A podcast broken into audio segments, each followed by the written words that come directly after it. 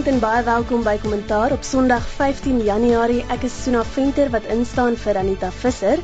By my in die ateljee is Lize Lou van die Instituut vir Sekuriteitsstudies en die onafhanklike politieke ontleder Harold Pakendorf. Goeienaand. Goeienaand. Naand. En op die telefoon het ons vir professor Kobus Maree. Hy's 'n opvoedkundige sielkundige aan die Universiteit van Pretoria en uh, Hy gaan spesifiek met ons gesels oor die stand van tersiêre onderrig in Suid-Afrika.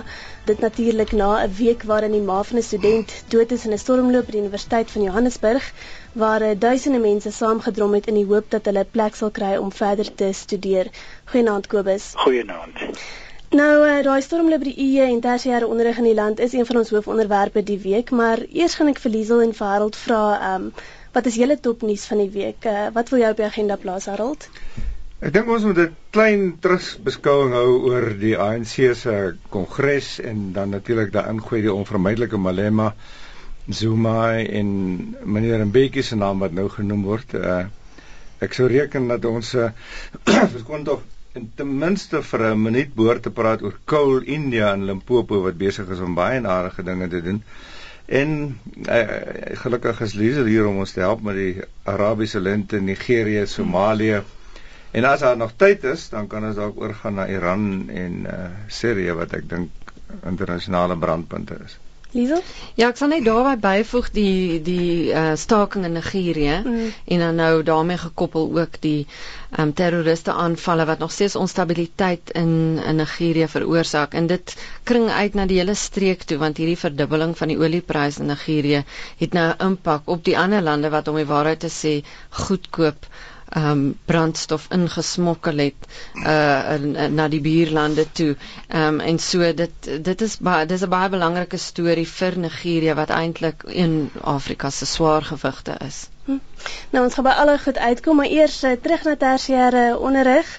Ehm um, die stormloop by die UE wat die week is eintlik 'n skadu gewerp het oor die begin van die universiteitsjaar, maar ons ook gedwing het om 'n bietjie intensief te kyk na die stand van tersiêre onderrig in die land mhm. en ehm um, Kobus se oor en weer vingerwysery oor die stormloop, waar dink jy lê die skuld?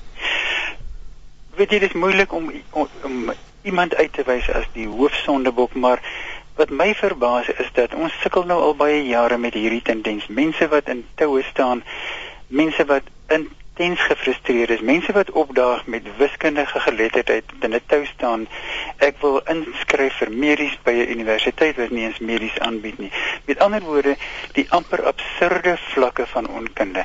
Ek wil weet soos wat ek maandag gesê het voordat hierdie ding gebeur het. Maandag het iemand my geskakel en ek het gesê Wat moet nog gebeur voor mense tot besinning kom? En 24 uur later het iets afgryslik gebeur.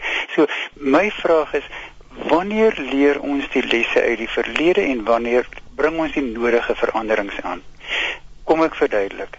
Ons weet nou al baie jare dat daar probleme is met studente wat hier in toue in die begin van die jaar opdaag en wil inskryf. Dit is net eenvoudig baie swak en ongesonde praktyk. Ons moet baie seker maak van nou af ons duidelik vir studente sê as jy nie ingeskryf is teen hierdie datum hierdie jaar nie, dan gaan jy nie aanvaar word volgende jaar nie. Ons moet baie duidelik vir studente uitstipel watter vakke watter punte hulle laat kwalifiseer vir bepaalde studierigtinge. En daarmee saam moet ons baie duidelik ook vir studente sê, as jy vir hierdie kwalifikasie inskryf, is jou kanse om in diens geneem te word 10%, 20%, 100%. En dan die laaste ding wat ek wil sê en ek hoop ons kry kans hieroor. Ons moet nou daarom baie mooi begine besin oor watter studierigtinge regtig gesog is. Ek dink dit is tyd dat hierdie land 'n sistematiese sistematiese audit kry dat ons presies weet watter studierigtinge waar ons by voltooiing van in diens geneem kan word, 'n beroep sal hê, 'n lewe kan ontwerp wat die moeite werd is en 'n sosiale bydrae kan maak en watter nie. Daar's net hopeloos te veel mense in hierdie stadium wat wat wat die soos die Engelsman sê swelling the ranks of the unemployed. Ons land kan dit nie bekostig nie. Dit is in elkeen van ons se belang anders sit is is maatskaplike onstabiliteit en 'n erge vorm soos hierdie Arabiese lente waarvan hy nou gepraat het, ook maar ons voorland. So die tekort sê eintlik lê by loopbaanvoorligting op skool. Is reg. Dit dis doodreg. Mense eh, wil nie met my saamstem sommige mense. Ek beweer en ek staan op voor hierby. voorligting beroepsvoorligting wat op skool aangebied word is hopeloos ontoereikend. Ek praat nie van Afrikaans hoërseunskool, ek praat nie van boys high, ek praat nie van girls high, ek praat nie van die van die topskole in hierdie land nie.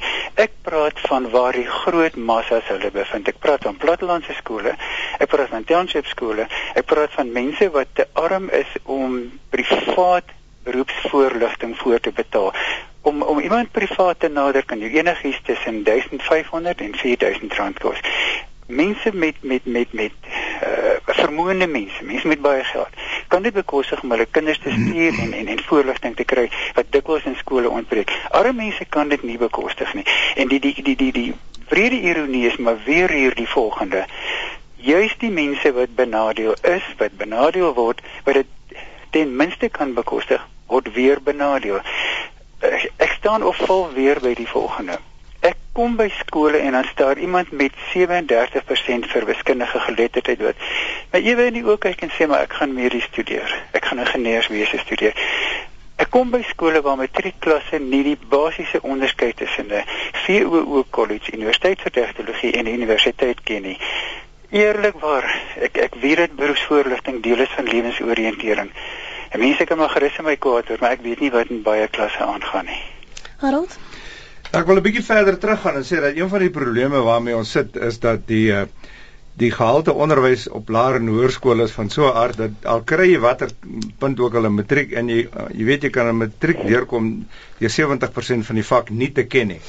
Uh wat hmm. beteken dit as jy by die universiteit uitkom? Dit in die eerste plek. daarmee saam iets uh, wat nie hardop genoeg gesê word en dikwels genoeg gesê word dat die fundamentele probleem lê by die Suid-Afrikaanse demokratiese onderwysunie. Pas altyd op vir iemand wat homself demokraties noem.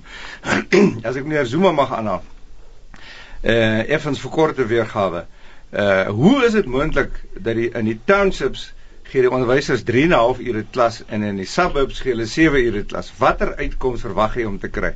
So en onthou, SADU is die tweede grootste vakbond, absolute sleutel as dit kom in Kusatu en dis 'n rolspeler in die oorgang na moontlike nuwe leierskap. Niemand vat SADU aan nie. Hulle doen net wat hulle wil. Hulle weier om inspekteurs te hê en, en dis die fundamentele probleem. Die tweede waar ek bietjie verskil met met Kobus is ehm um, dis reg so, mens moet 'n uh, uh vakke neem wat jy uiteindelik werk kan laat besorg. Maar enige land wat ergens wil hoop om 'n ordentlike intellektuele sirkel te hê, moet ook Latyn, Grieks, wysbegeerte, Afrikaans, Engels en die dinge ook bestudeer, nie net wiskunde en so aan nie. En ek is jammer maar ons 'n groter klem laat val op die aanleer van ambagte want dit is waar ons groot tekort is. En jy daarvoor hoef jy nie universiteite te gaan maar dit dit is 'n probleem um, en jy weet mense dink of universiteite is jou enigste opsie en die minister het hierdie week erken dat hulle iets gaan moet doen om mense bewus te maak en mense te trek na die colleges toe Liesel. Dit is so ja Blydense man die het nog 'n klem daarop gelê maar daar is hierdie aura rondom universiteite. Dink Jonathan Jansen wat uh, immers 'n rektor is van 'n universiteit het gesê ehm um, jy weet as jy 70% kry ehm um, het hy gister geskryf in beeld op uh, op skool moet jy nie universiteit toe gaan nie. En uh, wat hy ook sê is hoe dat die hele skool, die puntesisteem op skool heeltemal ehm um, geen geloofwaardigheid meer het nie weens hierdie manipulering van die statistieke en die swakgehalte van skole waar waarna Harold verwys het. Jy weet, vir my ehm um, as 'n mens nou kyk na 'n wyeer perspektief voel ek 'n bietjie oor ons onderwysstelsel soos Bafana Bafana. Mens kan nie glo dat Suid-Afrika met sy infrastruktuur en die en die uh, rykdom wat daar eintlik is, nie kan wen teen 'n plek so Sierra Leone wat nie eers straatligte het nie. Wat het verkeerd gegaan in Suid-Afrika post-apartheid? En dan was daar baie interessante gesprekke hierdie week. Wil nou nie daarop hamer nie, maar ehm um, David Coulthard wat van Zimbabwe en die nuwe minister van onderwys is. Het baie interessante punte gemaak oor die vergelyking tussen ons skoolstelsel nou na die einde van apartheid en Zimbabwe wat nog steeds 'n uitstekende onderwysstelsel het behalwe benewens die 10 jaar wat hulle nou hmm. verloor het. Hy sê tog dat ehm um, die feit dat Suid-Afrika die die post-apartheid regering in in ehm um, die kennis sal nou beter kan sê die hele ding van voor af herskryf het, so baie veranderinge en dan die baba met die badwater uitgegooi het net na 94 het so impak gehad op die gehalte van onderwys dat jy dit nie jy weet dat dit so ehm um, die, die hele stelsel omver gegooi is met uh jy weet ek ek sê ek weet my kind begin nou eers graad 1 so ek nou lank pad vorentoe met hierdie nuwe stelsel maar maar die onderwyskenners sal kan sê dit is in elk geval wat David Coulthard van Zimbabwe sê waarom hulle het net voortgegaan met uiteindelik 'n goeie wat sê dit die 50er jare 'n goeie onderwyskurrikulum was daar ons in net heeltemal verander hmm. is. Hmm. Kobus, miskien wil jy daarop kommentaar lewer? Sekerlik. Ek wil eers aansluit by wat Harold gesê het. Ek het Grieks 3 en Hebreëus 3 en Latyn 3 en wiskunde 3 en daarom almal met lof gekry. So ek besef seker die die waarde van van hierdie drie vakke, of hierdie vier vakke. En ek is een van die ouens vir die hardste kla. Dit is vir my tragies dat hierdie dat hierdie vakke eh, ehm uh, um, by die agterdeur uitgegooi word. Maar dis nou iets wat ek waar ek bevrees is ek gaan nie eens meer meer klaar oor nie. En die die rol van die ambagte ensovoorts. Harold dis jy's een van die probleme. Weet jy ons ek kry dag vir dag hierdie weerstand by mense om om te kyk na die ambagte, om te kyk na na die skitterende opleiding wat solidariteit aanbied, om te kyk na ehm um, die VOO colleges wat hulle aanbied. Ek is jammer om te sê maar die disfunksionaliteit, die vlakke van disfunksionaliteit daarso is een van die redes waarskynlik waarom mense maar lankant buite aan hierdie opsies. Maar jy's reg, dit op sigself is 'n tragedie. Ons moet mense kanaliseer na hierdie rigtings. Ons moet hulle laat besef dat hierdie rigtings net so goed is soos medies, onderwys, verpleging ensovoorts. Maar jy hoor my sê, ek is bevrees ons voer 'n hopelose stryd. En dan by Liesel, Liesel weet jy, ek het seker al 'n duisend keer ook gesê die hierdie terug tragiese invoer van verskillende onderwysstelsels gooi weg probeer om te vernietig wat wat in wat in wat in die verlede gewerk het dis pynlik en dis hartseer dat dit dit dat, dat hierdie dinge gebeur het en en met die met die nuwe groenskrif wat nou eer 3 dae gelede gepubliseer is. Weet julle die die kreet uit my hart is uh, asseblief ouens net nie weer nuwe beleide en nuwe filosofie die sogenaamde caps dokument my my my hart krimp. Ek hoop ons bly nou by by by 'n filosofie en ons probeer dit laat werk. Anders gaan ons hierdie onderwysstelsel skade aandoen wat wat wat selfs nog 'n duisend jaar geneem om te remedieer. Nou, 'n ander vraag wat baie mense hierdie week gevra het, ehm um, nou met die gesprek wat geopen is oor tersiêre onderrig en wat mense doen na skool, is waar kry al hierdie afgestudeerdes en hierdie matrikulante werk? En ek sien Vrydag hierdie graderingsagentskap Fitch Suid-Afrika se vooruitsig um, van stabiel na negatief aangepas, ehm um, spesifiek met 'n gebrek aan werkskepping as die hoofrede daarvoor. Kyk, die die probleem is is tweerlei. Een is dit die wanfunksionele as dit 'n korrekte Afrikaanse woord is. Ehm um, onderwysstelsel. Uh en die ander een is dat die aard van die ekonomie verander het. Jy kon vroeër met pik en graaf werk kry en jy kon daar was baie wat jy wil wat die uh, Kusate so genoem het not decent jobs in die land beskikbaar nie. Maar dis nou 'n kennisekonomie. Die aard van die ekonomie het verander.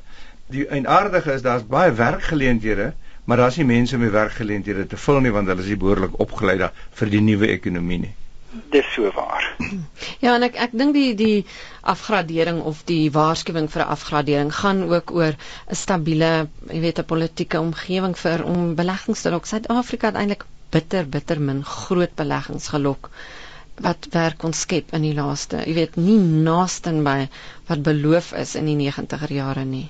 Ek een van die probleme daarin as wyk bietjie af van die onderwys hmm. is is is dat uh die manier waarop die regering toegelaat het daar daar twyfel en in party plekke vertwyfeling ontstaan het rondom myn lisensies en wat wie waar mag kry en hoe jy dit kry um, maak maatskappye baie senuweeagtig om om te belê. Uh, dis uh, Nou, ons kan net by Coal of India kom om dit direk daarmee te doen.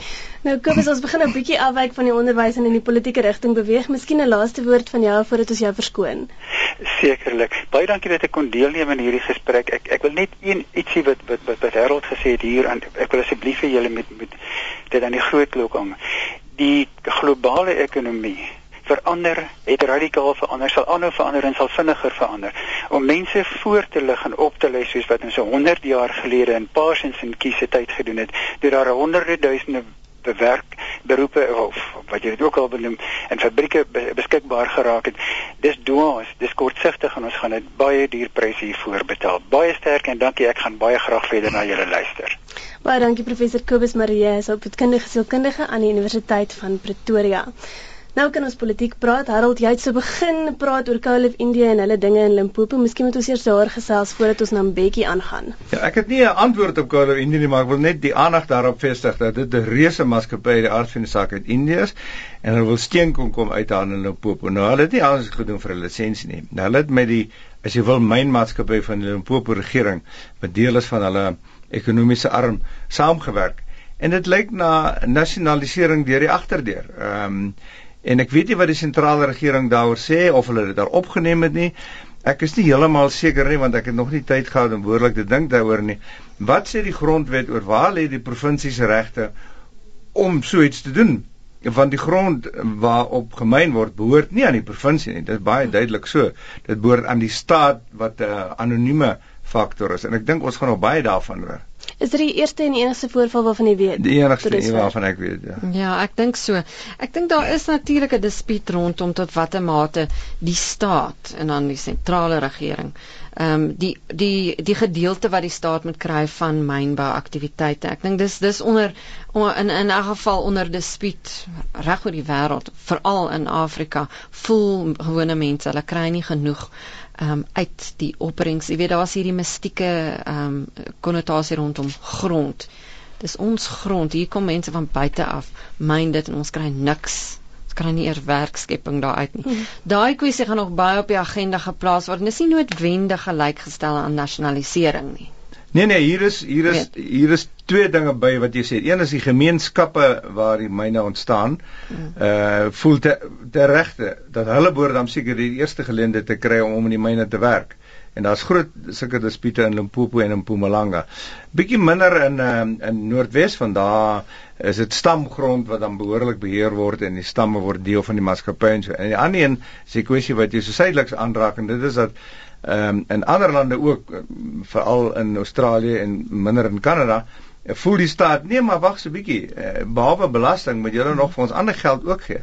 Maar hierdie ding in Limpopo lyk vir my is anders. Dit lyk vir my asof die regering van Limpopo, provinsiale regering besig is om uh, met steenkool te arbei en niks nie seker dat dit heeltemal uh, in lyn met die grondwet is. Wettig is nie.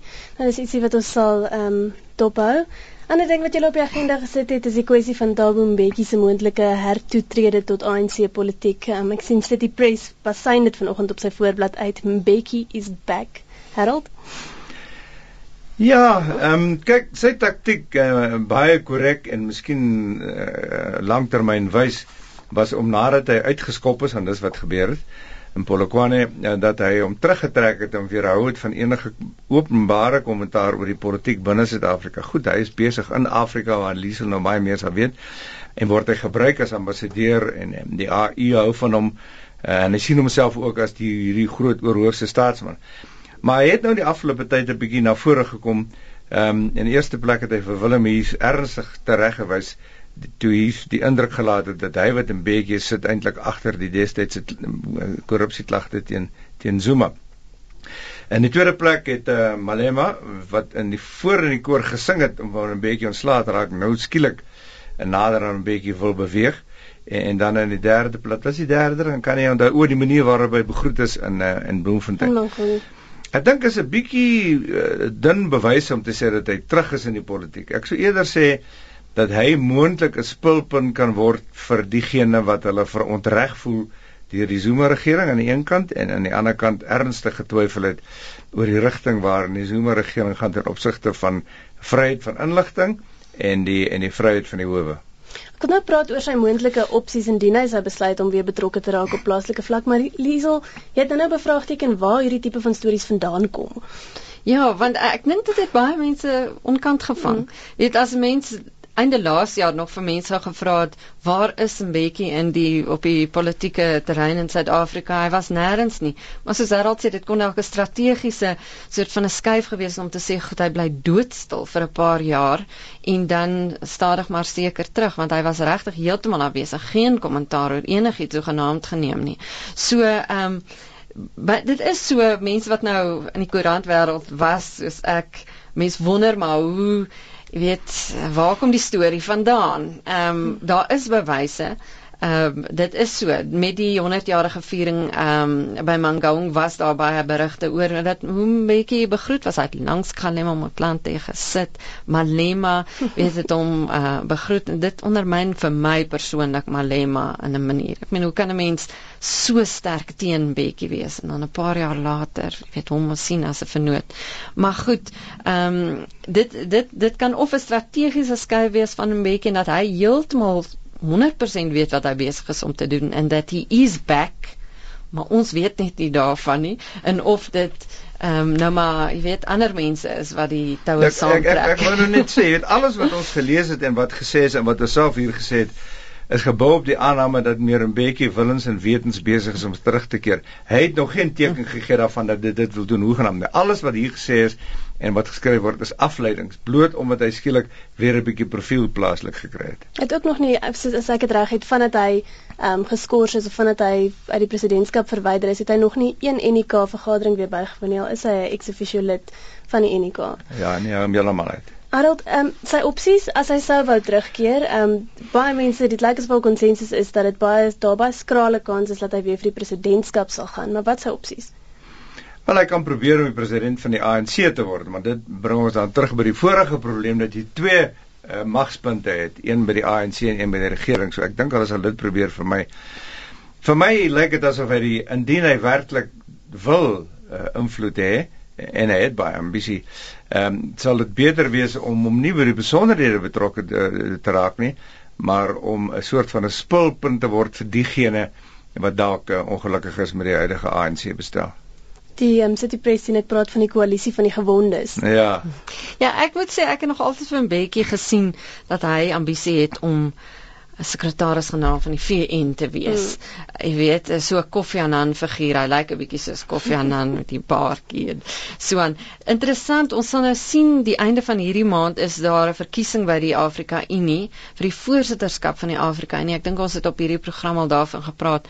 Nkosazana Dlamini Zuma wat absoluut 'n bietjie sy regterhand was vir baie lank toe sy nog minister van buitelandse sake was. En Zuma se nou, vorige vrou. En Zuma se vorige vrou ironies hmm. gedoen. Sy is nou kandidaat vir hierdie baie belangrike pos in Afrika. As sy nou dit kry wat daar baie onsekerheid oor is want daar's 'n klomp ander lande in Afrika wat voel Suid-Afrika kan nie so ehm um, domineer ook om daai pos te kry. Dit is gewoonlik 'n klein landjie soos Gabon het dit op die oomblik. Maar goed, as hy dan daai pos kry, gaan dit vir Bekkie eintlik ehm um, jy weet 'n uh, groot kompliment wees amper want dit beteken sy hele Afrika strategie, die Afrika Unie wat nou sy 10-jarige viering het uh, ook hierdie jaar was 'n sukses en hy kan nou sy idees wat men, mense nie meer saamstem maar sy idees oor Libië en oor uh, die fokus en so en is baie gekritiseer. Maar deur Nkosazana Dlamini Zuma sal dit nou 'n kompliment vir hom wees en dan kan hy waarskynlik agter die skerms jy weet sy profiel bou in die res van Afrika, maar dis ook spekulasie. Maar ek het hom die, nog nooit gevra nie. die die die die interessante sou wees om dop te hou of 'n bietjie en Zuma op uh, gelyktydig daar gaan aankom vir die 10 jaar viering. Hulle behoort altyd daar te wees. Dit is so, dit is so. Nou kyk, dit gaan 'n baie interessante jaar wees in die ANC politiek. Kom ons kyk bietjie internasionale sake. Uh, Liesel Nigeria massa betogings hierdie week oor die verwydering van die petrolsubsidie. Ehm um, wat beteken dit dat die petrolprys letterlik letterlik op 1 Januarie um oornag meer as verdubbel het in effek. Hoekom het hulle dit nie geleidelik weggeval die subsidie nie? Dit is so want jy weet hierdie subsidie is al sedert is amper 40 jaar, sedert 73 is daar 'n subsidie op die petrolprys. Wat 'n politieke skuif soort van wees om mense half um is, is stil te hou um, uh, in in Nigerië die mense wat sê maar kyk ons is Afrika se grootste olieprodusent en ons is van die armste ons kry niks hier uit. Ekskuus jy onderbreek so, ons die grootste olieprodusent maar daar's geen raffinaderry erns nie ons voer alles uit. Ek dink die syfer is 80% van hulle brandstof voer hulle in. Wat ingevoer. Dit ja. is absoluut skokkend, jy weet. Ehm um, en en dit is maar die geval, jy weet, so, daar's met ons rou rou materiale. Alles word uitgevoer en dan voer mense weer ehm um, die weer die die produkte in soos soos wat dit maar gebeur met wol in Mali en sulke sulke goed katoen bedoel ek. Goed, so ehm um, daai petrolprys was nog altyd 'n ding en daar was baie stakings. Hierdie is nie die eerste staking nie. Jy weet in 2000 was daar 'n groot staking. Elke keer aan Obasanjo het die pryse bietjie verlaag. Jy weet daar word gespeel met hierdie petrolprys. Ek dink wat baie Nigeriërs nou baie ongelukkig maak is dat dit geskraap is. So daar is nou nie meer 'n speletjie wat gespeel kan word nie. Maar ehm um, daar is onderhandelinge. Hierdie naweek is die staking nou opgeskort vir 2 dae en dit lyk tog asof uh, Good Luck Jonathan se regering nou gaan sê goed, hulle kan 'n bietjie van 'n eerste naam, nee. kan hulle dit nou 'n bietjie terugbring? Want hierdie hierdie petrolprys staking het het regtig die regering ehm um, nou in 'n op 'n konflikpad met die met die massas mense gebring wat nie regte tyd is vir Good Luck Jonathan nie want dis juis in 'n tyd wat die land amper uitmekaar geskeur word deur etniese geweld, religieuse geweld, die Boko Haram, hierdie groep wat uh, nou baie ehm um, weet bomme plant 120 voorvalle net laas jaar. So dis 'n tyd eintlik wat hy wil solidariteit, hy wil mense agter hom hê om hierdie ehm um, bedreiging, jy weet te beveg. So dit kom op 'n slegte tyd en ehm um, en ja, die die die staking het die hele land lam gelê en daar is nou gedreig nog nie gebeur nie, maar dat die vakbonde wat wel betrokke is in die olie-industrie ook gaan staak en dan gaan dit selfs kon self die internasionale olieprys ehm um, affekteer want dan gaan beteken Nigerië val in die lig van die gebeure in Iran nê in Iran. So dit dit het dit kring uit soos ek sê ook in die streek in Wes-Afrika is daar groot kommer. Jy weet Nigerië grens aan lande soos Kamerun kan ek jou vra so. vra wat waaroor ek onduidelikheid het dat my ervaring was Boko Haram is 'n islamitiese groep. Hulle val Christene aan, hulle bombardeer almal links en reg. En tog het ek in hierdie week 'n stuk gelees wat gesê het maar daar is ehm um, nie 'n sentrale Boko Haram met 'n met 'n kantoor en 'n telefoonnommer en 'n sekretaris-generaal nie. Dit is meer 'n idee uh van opstand teen vanuit 'n vanuit 'n islamitiese kyk na die, die soos jy sê die westerse invloed in die res van Nigerië onthou Nigerië is so half van die helfte gedeel die boonste is is islamities en die onder is meestal Christelik maar ook ander animistiese gelowe en uh, En toe is daar gesê maar daar is ook gewone misdaadbendes wat onder die naam Boko Haram allerlei moeilikheid maak wat dit so wat dit baie moeiliker maak ek gebruik ek sal oor twee keer in een sin en dit is baie swak. Ehm um, uh wat dit bitter swaar maak vir die regering om presies op te tree want jy weet nie mooi wie is dit nie. Hmm. Ja, good luck Jonathan het selfs gesê daar's in die parlement mense wat Boko Haram ondersteun. Maar goed, Boko Haram het 'n jy weet daar is ons weet wie is die leierskap. Daar's van hulle wat al gevang is. Dis bietjie soos Al-Qaeda en Al-Shabaab en so aan. Hulle het definitief ook bande met die ehm um, AQMI. Dit is so terroriste groep hier in die Sahel in Algerië en so aan. So daar daar is 'n struktuur, maar soos jy sê, dit kring nou weier uit. Daar's 'n soort van ehm um, onder radikale moslems, mense wat die Sharia wet ondersteun, mense wat sommer kwaad is vir die regering ook nou ondersteuning vir Boko Haram en dan word daar hier en daar 'n bom geplant of iets wat mense nie doodseker is wie is daarvoor verantwoordelik nie. Jy weet so die ding kring uit. Dit word ongelooflik moeilik vir die regering om dit te beveg omdat dit nou so 'n diverse soort van 'n groep is. En jy weet in Nigerië um, is 'n land wat vreeslik vreemd met gerugte en so ek sê allerlei spookagtige aantuigings. Weet dis amper soos 'n witch hunt nou. Wie is Boko Haram en wie is nie? En nou word dit hierdie ehm um, jy weet donker wolk wat nou oor Nigerië getrek word. En en goed, die regering het die grense gesluit. Hulle het jy weet die die weermag ingestuur. So hulle het hulle het min of meer 'n strategie om die werklike terroriste nou te vang en hulle bomme, jy weet, in hulle ammunisie te onderskep. Maar nou raak dit so ietsie wat insypel, jy weet. En soos ek sê, selfs die president sê nou daar's mense in sy regering wat van Boko Haram is. Hoe beveg jy nou dit? Mm. Draak baie moeilik en kompleks. Ja, dit is 'n aardige ding om toe te gee, né? Ongelooflik. Mense my regering ondersteun mense hulle plant bomme. Ek meen fire hulle. Ja, of vat hulle hof toe. as jy so praat oor um, ek wil praat oor Iran, maar as jy so praat oor um, Nigerië en mense wat sê hulle is van Boko Haram, maar die regering sê hulle is eintlik sommer net misdadigers, dan dink ek onmiddellik aan Sirië waar Bashar al-Assad eintlik um, op die oomblik presies dieselfde sê. Hy sê hierdie opstand, die sogenaamde opstand teen sy um, teen sy bewind word eintlik gedryf deur bendes misdadigers en so aan.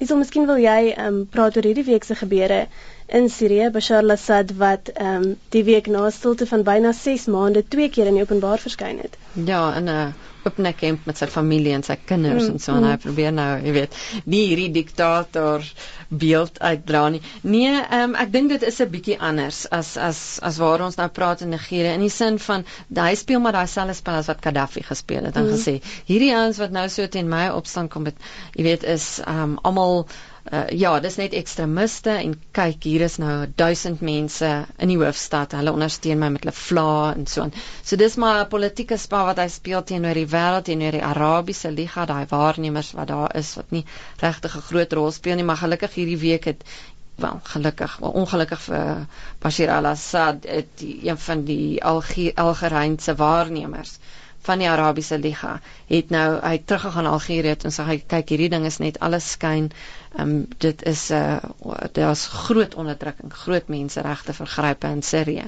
Jy weet so dit hy eh, Bashir al-Assad ek dink nie dit kan baie langer duur nie, maar dit duur nou al baie lank. Daai arme mense in Sirië word voor die voet plat geskiet. Ongelooflik dat hulle nog nie ook soos die ehm um, Libiërs wapens opgeneem het nie. Hulle stap nog in die strate, jy weet, onbewapen en en ja, ja. Ek kyk ek ek wil net twee dinge sê. Een is dat die, die is dit is opvallend dat die weste nie werklik betrokke is in Sirië nie, anders as in in Libië. Uh, en moontlik is dit omdat Sirië nie olie het nie. Ehm um, Uh, en die ander een is dat daar ehm uh, die, die een van die groot probleme met die oppositie is dat daar twee oppositiegroepe is. En om hulle te kry met mekaar te praat is 'n probleem en dan ek het gesê net twee maar ek 'n derde ding byvoeg. Turkye is tog besig om ehm um, langs sy grens te kyk of hy nie bietjie stabiliteit kan kry en of hy nie nog maar wapens na van die mense kan kry want Turkye hmm. Moet ons nie miskyk nie sien vir homself 'n baie groot rol in daardie deel van die wêreld. En die, die leier van mm. Qatar het ehm um, gister dink ek aan een van die nuusdienste gesê hy dink dit het nou op 'n punt gekom waar Arabiese magte troepe moet instuur en waar so dit klink asof dit dit iets is wat wat hy ten minste nou oorweeg hoewel ek nie weet of die Arabiese bond so ver sou gaan nie. Ja, jy weet die tragedie is dat selfs Suid-Afrika gestem het teen sanksies uh, teen Sirië. Maar Net ons buitelandse beleid is maar soos soos meneer Zuma se binnelandse beleid, jy weet. Veel gepraat en min gedoen. Ja, as mense hulle vra dan sê hulle nee, dis op begin want dit is duidelik net 'n protes soort van stem teen wat NAVO in Libië ja. gedoen het, jy hmm. weet. En dan ook selfs Rusland en China stem telkens vir sanksies uh, teen sanksies of enige optrede in Sirië, maar dis eintlik so Dit is as en Maar daar is dalk 'n strategiese dis... stem want hulle wil dalk kyk ons maak vir die weste meer moeilikheid. Hoekom sal ons hulle help om die probleem op te los? Dit raak ons glad nie. So laat hulle maar aangaan. Maar as mense, jy weet, ons 5000 mense dood die afgelope 10 maande ten minste. Mense Ek dink nie Putin het slaaplose nagte in Moskou oor die ding en oor 5000 mense nie. Ja. Daar's meer mense in Tsjechië dood as in as die ja. Ons het net 'n paar minute oor maar terwyl ons nou in daai woonbuurt of daai omgewing is, Iran. Groeiende spanning herald tussen Iran en die VSA. Ja, dit groei nou al oor baie jare en waar wat dit wat dit nou tot op die hoogtepunt dryf is dat dit baie duidelik is dat Iran wel kernenergie het. Dit is nog onduidelik of hulle 'n kernbom het, maar die vrees bestaan en dan natuurlik is Israel die groot rolspeler en Amerika agter Israel. Die vrees dat daar tog nog weer 'n keer 'n oorlog gaan kom, hoewel meneer as jy kyk na meneer die Amerikaanse president se onlangse beleidsverklaring ter opsigte van die Amerikaanse weermag, is dit 'n onttrekking uh ek stel dit 'n bietjie kras maar 'n onttrekking uit Europa en 'n baie laer inskatting vir die Midde-Ooste en 'n baie hoër inskatting van China. So as jy dit as die groot prentjie sien, dan moet jy dink Amerikaners gaan nie sommer betrokke raak nie. Daar is uh baie duidelike tekens dat die wêreldwye sanksies reeds besig is om te byt en dat net langtermynkontrakte volgehou word maar geen korttermynkontrakte aangegaan word. So dit beteken nie daar kan nie oorlog kom nie, maar uh, onthou ook dat Sirië en Iran uh baie baie na mekaar is. So die mm. twee kan nie heeltemal ontkoppel word nie. Ja, en die Amerikaanse presidentsverkiesing natuurlik. Ja. Jy weet en uh, mense dink aan daai groot Israeliese uh, drukgroepe in Amerika. Ehm um, speel ook 'n groot rol. Hulle is bibber nou in in Israel veral wat gebeur het in Noord-Afrika waar die lande en die diktators wat tradisioneel deur Amerika opgeprop is sodat hulle um Israel weet kon on ondersteun of uh, nie, nie Israel aanval nie, nie. sê in Egipte. Uh veral Egipte.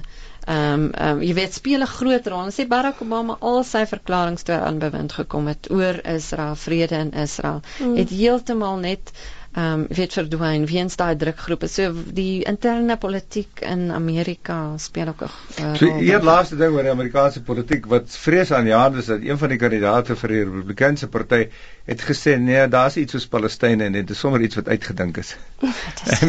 Sjoe. maar ehm um, net 'n laaste ding miskien van my kant af oor Amerika se betrokkeheid in Iran. Ehm um, Ek het hierdie week gepraat met 'n uh, eh, Israeli wat 'n paar boeke al geskryf het oor Mossad na aanleiding van hierdie kernwetenskaplikes wat so een na die ander uh, uitgehaal word in Iran. En uh, hy het gesê hy het hy het inligting um, wat wys dat dit met die toestemming indien nie die samewerking nie van Amerika plaasvind. Nou, miskien net kortliks laastens van julle kante, wat is die implikasie as Amerika die absolute protagonis in die oorlog teen terreur betrokke is by so iets? Ja, dit sal nooit uh, amptelik bevestig word nie, maar daar's by my geen twyfel dat die CIA en Mossad ten nouste saamwerk altyd mm. ten nouste saamgewerk het. Ja, dit is so Amerika in elk geval as 'n morele soort van stem in die wêreld is nou so gediskrediteer selfs hierdie week as ons sien het die manier hoe sy soldate reg oor die wêreld opgetree het. So, ehm um, ek sulke skandale. Dis iets wat mense in hulle spioen ehm um, fiksie verhale lees, jy weet, ek dink die mense sal grootliks geskok wees teenoor, jy weet, oor so iets nie. Ja, as ek wys. Ek, ek ek sien jy wil tot sien sê. Ek ek wil net gou twee datums noem wat is nie oor hoe hoef te praat nie. Hm. Meneer Malema se tug verhoor is vir 10 dae. Met 10 dae uit die maandag nou môre sy ja, papiere in. En die ander datum wat ons nie moet vergeet nie is in die eerste 14 dae van Februarie sal die Hooggeregshof besluit of die DA se aansoek dat die um, tersydestelling van die moontlike vervolging van meneer Zuma weg is en nou ja dan is die politieke spel van vooraf oop en sê dalk langer moet kommentaar lewer op sonnaande. Baie dankie Harold Pakenhof onafhanklike politieke ontleder en Lise Lou van die Instituut vir Sekuriteitsstudies. Baie dankie dat julle vanaand by ons was. Plesier, naand aan die luisteraars. Goeienaand.